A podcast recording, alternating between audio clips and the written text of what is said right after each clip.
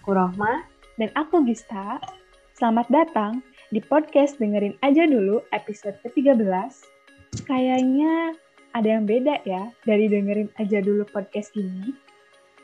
Iya nih Gis, hari ini Dengerin Aja Dulu podcast bakalan ditemenin sama kita berdua ya. Kita kenalan dulu yuk. Aku Rohma Fatmawati dari Program Studi Pendidikan Kimia, Fakultas Pendidikan Matematika Ilmu dan Pengetahuan Alam, Universitas Pendidikan Indonesia. Aku Gista Dianita Brilianti, biasanya disebut Gista dari Prodi Keperawatan FK. Kita tergabung dalam Katalis Project untuk info lebih lanjutnya. Jangan lupa ya buat cek Instagram kita di dengerin aja dulu podcast. Bener banget tuh Roma.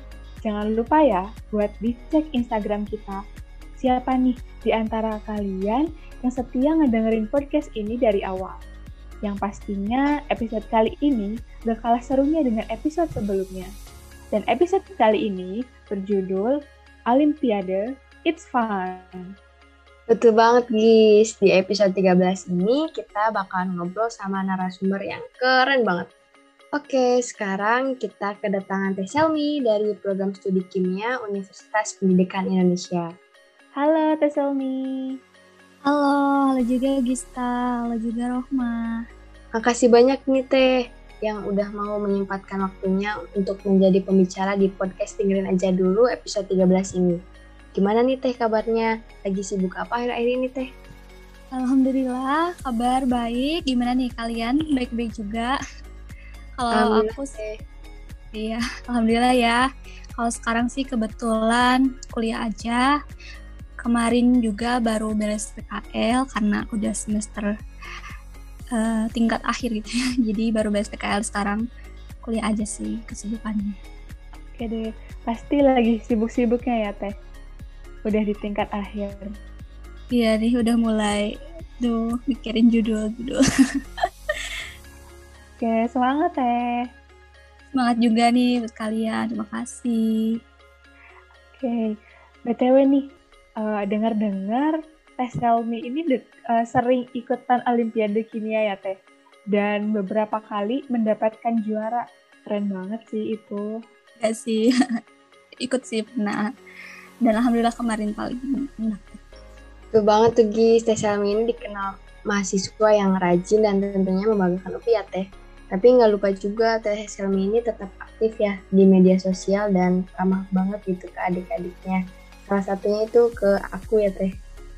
Uh, langsung aja nih ya Teh, uh, aku nih sebagai mahasiswa pendidikan kimia dan untuk ikut Olimpiade Kimia itu udah kebayang gitu Teh susahnya dan emang takut duluan gitu, takut nggak bisa. Nah, apa sih motivasi Teh Selmi buat ikut Olimpiade? Uh, motivasi dari aku sebenarnya banyak banget ya motivasi untuk ikut Olimpiade Kimia itu dari berbagai hal gitu. Dan hal ini juga yang bikin aku tuh lebih yakin lagi buat ikutan Olimpiadenya. Yang pertama itu karena aku ingin berkembang, ingin lebih baik juga, bukan hanya lebih baik di bidang ilmu yang sedang aku pelajari gitu ya, di bidang ilmu kimia, tapi buat diri aku sendiri juga nih biar bisa lebih baik lagi melalui KN MIPA gitu atau ikut olimpiade. Aku tuh bisa mengukur sejauh mana nih kemampuan aku bisa tahu kurangnya di mana cukupnya di mana bisa belajar lagi lah intinya. Terus aku juga bisa jadi uh, apa ya lebih baiknya tuh karena aku orangnya yang tadi disebutin Rahma ya katanya aku rajin gitu ya. Mungkin orang tuh ngelihatnya aku kayak rajin gitu tapi sebenarnya aku tuh biasa-biasa aja kadang males juga bahkan kalah rajin dengan temen aku yang lain gitu. Teman-teman di kelas aku tuh banyak lebih lebih rajin dari aku dan di sana aku nggak mau uh, apa ya banyak bermas-malasan gitu ya. Aku ingin bisa lebih rajin lagi yaitu melalui KN MIPA karena kan kalau misalkan kita ikut KN MIPA lalu kita nggak bisa jawab itu malu ya aku eh, nggak uh, bisa jawab. Jadi aku mau gak mau harus belajar lebih rajin lagi. Terus aku juga bisa apa ya dapat pengalaman gitu ya di perkuliahan. Eh, nggak uh, begitu-begitu aja gitu kuliahnya ada pengalaman yang lain. Nanti di SKPI ada keterangannya nih kita sebagai apa ya uh, sebagai peserta olimpiade gitu ya atau ikut ke MIPA terus bisa ngebanggain orang tua bisa ngebanggain universitas juga karena itu kan kesempatannya bisa lewat kompetisi gitu salah satunya KN MIPA gitu. Dan banyak lagi. Dan nggak sesusah itu kok. Wah keren banget teh tadi um, ingin berkembang gitu ya kayaknya keren banget gitu dengan kegiatan-kegiatan teh yang banyak gitu uh, motivasi itu penting banget ya teh buat kita kayak untuk uh, prioritas mana yang harus kita lakuin gitu. Iya betul betul banget. Harus ada motivasi dulu sih dari diri sendiri harus diyakinin dulu gitu. Supaya bisa lebih apa ya nggak setengah-setengah gitu jadinya. Harus dikuatin nih dari motivasinya. Keren banget ya teh. Um, kalau boleh tahu gimana sih teh perjalanan teh Selmi gitu dap, uh, sampai dapat juara di KN MIPA kemarin? Uh, perjalanan itu gimana ya ceritanya? Sebenarnya ini tuh dari sebelum kuliah ya kalau menceritakan dari awalnya gitu ya. Awalnya aku ikut olimpiade sejak SD, SMP, SMA aku suka ikut dan diajak itu ya dari sekolah. Tetapi ya gitu aku nggak pernah menang paling hanya jadi perwakilan sekolah aja gitu loh. Tetapi ya aku nggak mau menyerah. Aku ingin terus mencoba gitu ya masih terus penasaran sejauh mana sih aku aku bisa ngelangkah gitu ya di kompetisi ini tuh se sejauh mana. Jadi aku selalu uh, kalau ada kesempatan gitu ya aku selalu coba lagi coba lagi. Dan aku juga bersyukur karena selalu ada kesempatan itu meskipun hanya dapat pengalaman pembelajaran enggak jadi juara aku tetap bersyukur gitu ya. Nah pas masuk kuliah uh, aku udah ada pemikiran nih kayaknya aku pengen ikut olimpiade lagi kayak uh, waktu sebelum-sebelumnya gitu. Dan pas tingkat satu aku coba ikut seleksi. Di sana kaget sih karena apa ini? Susah banget gitu pastinya. Karena aku itu nggak pernah kayak istilahnya nggak pernah uh, dapat bimbingan lebih lanjut gitu ya buat ikut olimpiade. Karena hanya sebagai perwakilan dari sekolah aja udah deh udah itu nggak nggak nggak ikut lagi gitu ya karena nggak lolos. Jadi uh, pas pertama kali di kuliahan materi yang aku terima itu ya hanya di perkuliahan perkuliahan aja gitu ya waktu tingkat satu tuh. Di sana aku mulai uh, berpikir nih gimana nih caranya biar aku bisa bisa jadi perwakilan dari UPI karena kan lihat soalnya aja ini di mana susah gitu ya waktu uh, aku masih tinggal satu tuh Nah, di sana aku mulai coba belajar, belajar belajar soal soal olimpiade, kemudian ikut lagi di tingkat dua. Alhamdulillah terpilih sebagai delegasi mewakili UPI dan alhamdulillah juga lolos ke uh, tahap seleksi nasional. Nah, saat tingkat dua itu belum dapet nih aku belum dapet juara hanya sebagai peserta tingkat nasional aja. Uh, tetapi ya, ada kecewa sih sebenarnya sedih juga pas itu kenapa aku nggak nggak dapet nih. Cuma ya aku harus belajar lagi gitu ya tuh sebagai pembelajaran seenggaknya aku lebih apa ya lebih ada pengalaman lebih gitu ya dibanding yang nggak nggak ikut nasional. Jadi untuk tahun berikutnya aku ada bekal nih soal-soal nasional dan KMIPA itu kayak gimana ini aku belajar lagi. Aku ikut seleksi lagi di tahun ketiga alhamdulillah dapat medali perunggu dan merupakan uh, aduh mak merupakan pencapaian terbesar aku sih sejauh ini gitu di bidang olimpiade dari sejak aku SD sampai sekarang aku udah jadi mahasiswa tingkat akhir di UPI itu alhamdulillahnya. Wah keren banget teh.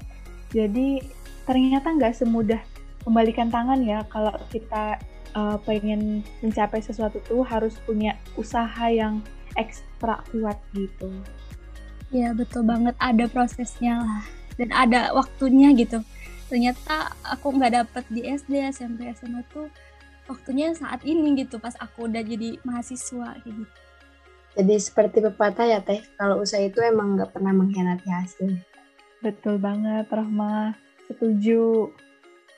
Oh ya teh, uh, aku pengen tahu dong uh, gimana sih cara belajarnya Teh Selmi buat ngikutin olimpiade kayak gitu kan kita tahu ya kalau materi olimpiade itu lebih mendalam terus kayaknya jarang gitu diajarkan di perkuliahan. Dan pasti kalau di tingkat nasional itu saingannya juga pasti banyak ya dari berbagai angkatan dan dari berbagai universitas. Iya, betul. Kalau boleh tahu cara belajarnya Teh Selmi itu gimana ya Teh? Cara belajar aku itu gimana ya? Aduh sebenarnya aku nggak ada yang spesial banget sih dari cara belajar aku terutama untuk menghadapi KN MIPA cara belajar aku ya review materi dan latihan aja gitu lebih banyak latihan. Tapi yang jadi fokus utama aku tuh justru di perkuliahannya. Itu tuh sebagai dasar gitu ya karena e, materi yang ada di Olimpiade atau di KNIPA itu pastinya ada di perkuliahan juga. Jadi sebisa mungkin kita itu fokus, kita itu harus paham benar-benar pada saat perkuliahan. Nah setelah itu baru kita cari sumber-sumber lain. Kalau aku biasanya uh, tergantung ini sih, tergantung cara belajar kita masing-masing kayak gimana. Kalau aku itu lebih mudah untuk mendengarkan dan melihat gitu. Jadi aku suka menonton video, cari di YouTube. Tapi ya itu kita harus carinya juga dari berbagai uh, sumber gitu. Maksudnya dari berbagai channel gitu. Enggak terpaku dari satu aja. Misalkan kita cari materi A dari channel B. Nah kita cari lagi di channel D C atau yang lainnya gitu. Supaya tahu nih uh, lebih apa ya kayak lebih sering keulang gitu. Lebih sering lebih paham juga untuk kita gitu terus dari latihan soal juga gitu ya soal-soal olimpiade itu kayak gimana kita latihan kita sesuaikan juga dengan silabusnya supaya bisa lebih terfokus gitu. Meskipun kita mau belajar yang di luar silabus ya itu juga boleh-boleh aja sih. Cuma kalau dari silabus kan nggak akan terlalu jauh gitu ya bedanya. Bedanya akan muncul saat uh, ujiannya nanti. Selain itu aku juga hmm, alhamdulillah di UPI di kimia UPI terutama ada dosen-dosen yang membimbing kita gitu untuk persiapan KN MIPA, mereview materi, kita bisa request kepada beliau materi apa yang di, ingin dibahas, kemudian latihan soal bersama. Jadi problem solvingnya juga dilatih pada saat itu. Makanya uh, alhamdulillah gitu itu sangat membantu banget aku dalam belajar. Lalu dari teman-temannya juga kita sering sharing, diskusi bareng-bareng kayak gitu bisa jadi tips tuh ya buat para mahasiswa ataupun calon mahasiswa yang tertarik buat ikut olimpiade ya teh. Um, kalau cara memanagenya gimana tuh teh? Kan jadwal kuliah itu padat ya teh, apalagi kan prodi kimia ada praktikumnya dan harus ngelaprak gitu. Kan uh, ngelaprak itu nggak dikit gitu teh. Iya, benar-benar. ada laporan praktikum ya, kuliahnya juga beragam gitu, nggak kuliah doang, ada ada praktikumnya pastinya kita harus uh, tentukan dulu sih prioritas kita itu apa kita buat dulu skala prioritasnya bagaimana. Dan kalau aku biasanya tentunya akademik dulu ya yang diprioritaskan gitu. Tapi sebenarnya KN MIPA dengan akademik itu justru beriringan gitu ya beririsan. Jadi di, uh, di saat kita mempersiapkan KN MIPA itu bisa juga kita mempersiapkan untuk perkuliahan kita. Misalkan untuk ujian untuk UTS untuk tugas itu bisa Nah, e, sebisa mungkin kita selesai selesaikan dulu gitu ya tugas-tugas kuliah kita yang deadline-nya itu sebelum KN MIPA atau atau secepat mungkin lah intinya supaya kita bisa fokus dan punya waktu lebih banyak lagi untuk belajarnya. Kayak gitu. Kalau kalau di nanti nanti justru waktu kita tuh banyak yang terbuang ya gitu itu emang harus dari diri sendiri juga. Harus di push Oke, mantep banget uh, jadi kita tuh harus menentukan skala prioritas ya gitu. Kalau kita mau menggapai sesuatu uh, kita juga sebagai mahasiswa harus pinter-pinter manage waktunya gitu. Apalagi kalau banyak kegiatan yang pengen kita lakuin kayak teteh tadi uh, belajar di akademik oke okay, tapi olimpiade juga harus dipersiapkan dengan matang gitu. Nah kan uh, selain olimpiade dan akademik teh Selmi juga aktif di um, di organisasi ya teh aku lihat kemarin itu. Iya iya. Ikut sih dia. HMK ikut di himpunan. Ikut juga. Ya keren banget. Itu pasti kan uh, banyak kegiatan ya teh banyak meeting dan sebagainya. Nah gimana sih cara teteh untuk membagi fokus dalam hal-hal tersebut gitu? Kalau membagi fokus uh, aku lebih ke buat jadwal sih uh, kan meeting dan lain-lain itu pasti ada jadwalnya tertentu ya. Kuliah juga ada jadwalnya tertentu. Nah kita itu sebaiknya fokus terhadap satu hal terlebih dahulu gitu ya sampai hal itu selesai. Kalau menurut aku sebaiknya kayak gitu. Jangan uh, terlalu banyak multitasking itu nggak terlalu bagus juga. Uh, jadi kita fokus dulu nih supaya hasilnya itu bisa maksimal uh, tapi bukan berarti kayak MIPA tuh dari awal sampai selesai tuh kayak seluruh rangkaian kayak MIPA enggak gitu ya. Misalkan kita buat jadwalnya tuh hari ini uh, ada meeting jam jam 4 sampai jam 5 misalkan. Terus berarti jam 5 sampai jam 6 kita kosong nih kita ngapain? Ah mau ngerjain laporan misalkan bagian uh, tinjauan pustaka. Kemudian udah gitu istirahat makan dan lain uh, baru lanjut belajar jam sekian sampai jam sekian gitu. Jadi kita tuh udah ada nih rencananya mau kayak gimana kita fokus terhadap hal itu kalau sebisa mungkin gitu ya sesuaikan dengan jadwal yang kita buat juga gitu. Jadi lebih lebih mudah untuk kita. Jadi semuanya itu punya porsinya masing-masing dan kita juga fokus terhadap uh, terhadap hal yang sedang kita lakukan saat itu kayak gitu nggak menzolimi hal yang itu kalau kita multitasking itu takutnya kita menzolimi gitu ya ke rapatnya itu atau ke tugasnya kayak gitu. Setuju banget sih Teh. Aku juga uh, suka banget gitu kalau bikin jadwal-jadwal gitu. Tapi uh, jujur nih teh kalau fokus itu mudah banget gitu aku uh, terbagi jadi kan nggak istiqomah gitu ya dalam menjalankan sesuatu jadi kadang-kadang setengah-setengah gitu loh teh nah teh Salmi sendiri gimana sih teh bisa istiqomah gitu dalam ikut olimpiade dan uh, selalu gitu kan ikut pelatihan pelatihannya gitu Uh, kalau dalam ikut olimpiade, uh, tentunya aku ingat ke tujuan awal aku, ingat ke motivasi aku. Kenapa sih aku ingin ingin ikut olimpiade gitu? Kembali lagi ingat kepada hal-hal itu supaya aku masih tetap termotivasi. Jadi aku tetap terus termotivasi setiap saat gitu. Kemudian setelah kita jadi delegasi juga kita kan harus bertanggung jawab.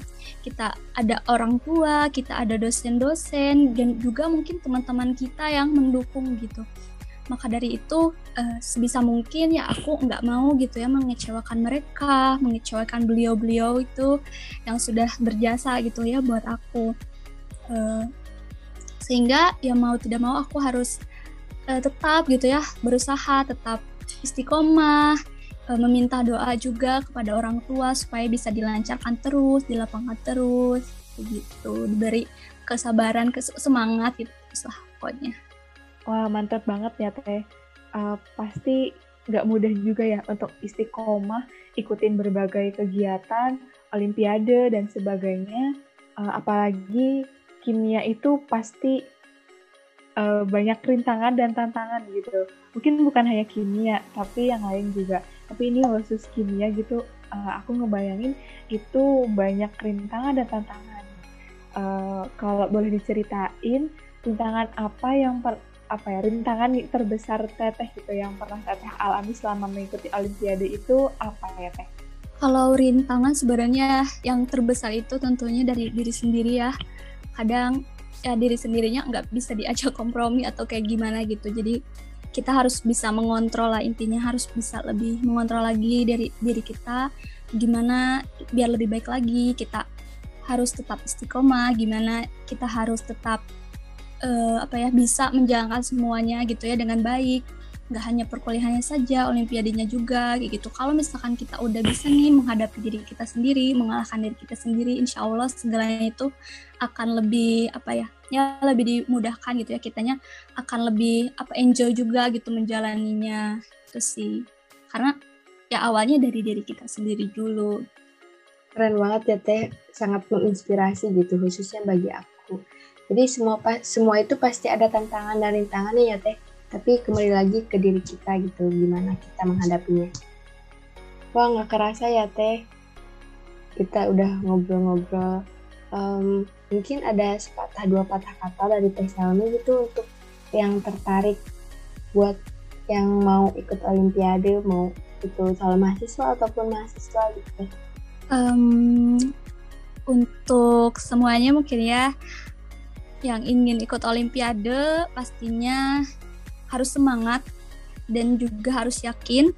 Jangan pernah ragu untuk mencoba, jangan takut, pasti ya rasa insecure, rasa insecure gitu ya atau ketakutan itu selalu ada gitu. Tetapi selama kita yakin, selama kita mau, kita itu pasti bisa. Dan dalam suatu kompetisi itu kalah dan menang itu pasti ada gitu.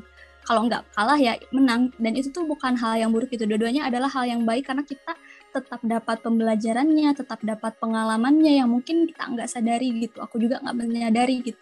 Sampai beberapa saat aku baru sadar oh ternyata uh, setelah aku ikutin itu aku bisa lebih mengontrol diri aku bisa lebih uh, memanage waktu gitu lebih baik gitu ya dalam hal manajemen waktu dalam hal keilmuan aku bisa tahu sejauh mana. Itu tuh uh, banyak banget gitu manfaat yang bisa kita dapatkan dari ikut berkompetisi itu makanya dulu jangan jangan takut kalau misalkan di podcast ini tuh dengerin aja dulu kalau ikut kompetisi coba aja dulu gitu ya dan yakinin aja dulu. Wah keren banget ya. Jadi buat teman-teman siapa pun yang tertarik buat ikutan olimpiade yuk buruan daftar. Jangan insecure duluan gitu. Uh, karena semua itu proses ya. Uh, mungkin dari ceritanya Teh Salmi tadi dari uh, ada gagalnya ada misal belum juara tapi mencoba lagi mencoba lagi sampai akhirnya bisa ke tingkat nasional. Keren banget.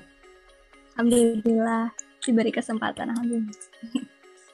Iya banget tuh guys jadi kita itu jangan takut ya untuk mencoba. Makasih banyak nih buat Teh Selmi yang udah luangin waktunya buat jadi pembicara di podcast Dengerin Aja Dulu episode ke-13 ini. Semoga Teh Selmi sehat selalu dan semoga dilancarkan dalam segala hal yang sedang dijalankan ya Teh. Sukses hmm. selalu Teh Selmi. Amin. Terima kasih juga nih buat teman-teman semuanya. Semoga lancar juga segalanya ya dan sehat terus. Oke, makasih banyak Teh Selmi. Makasih juga buat teman-teman yang udah dengerin podcast ini sampai selesai. Semoga bermanfaat ya. Sampai jumpa di episode selanjutnya. Dengerin aja dulu. Siapa tahu suka.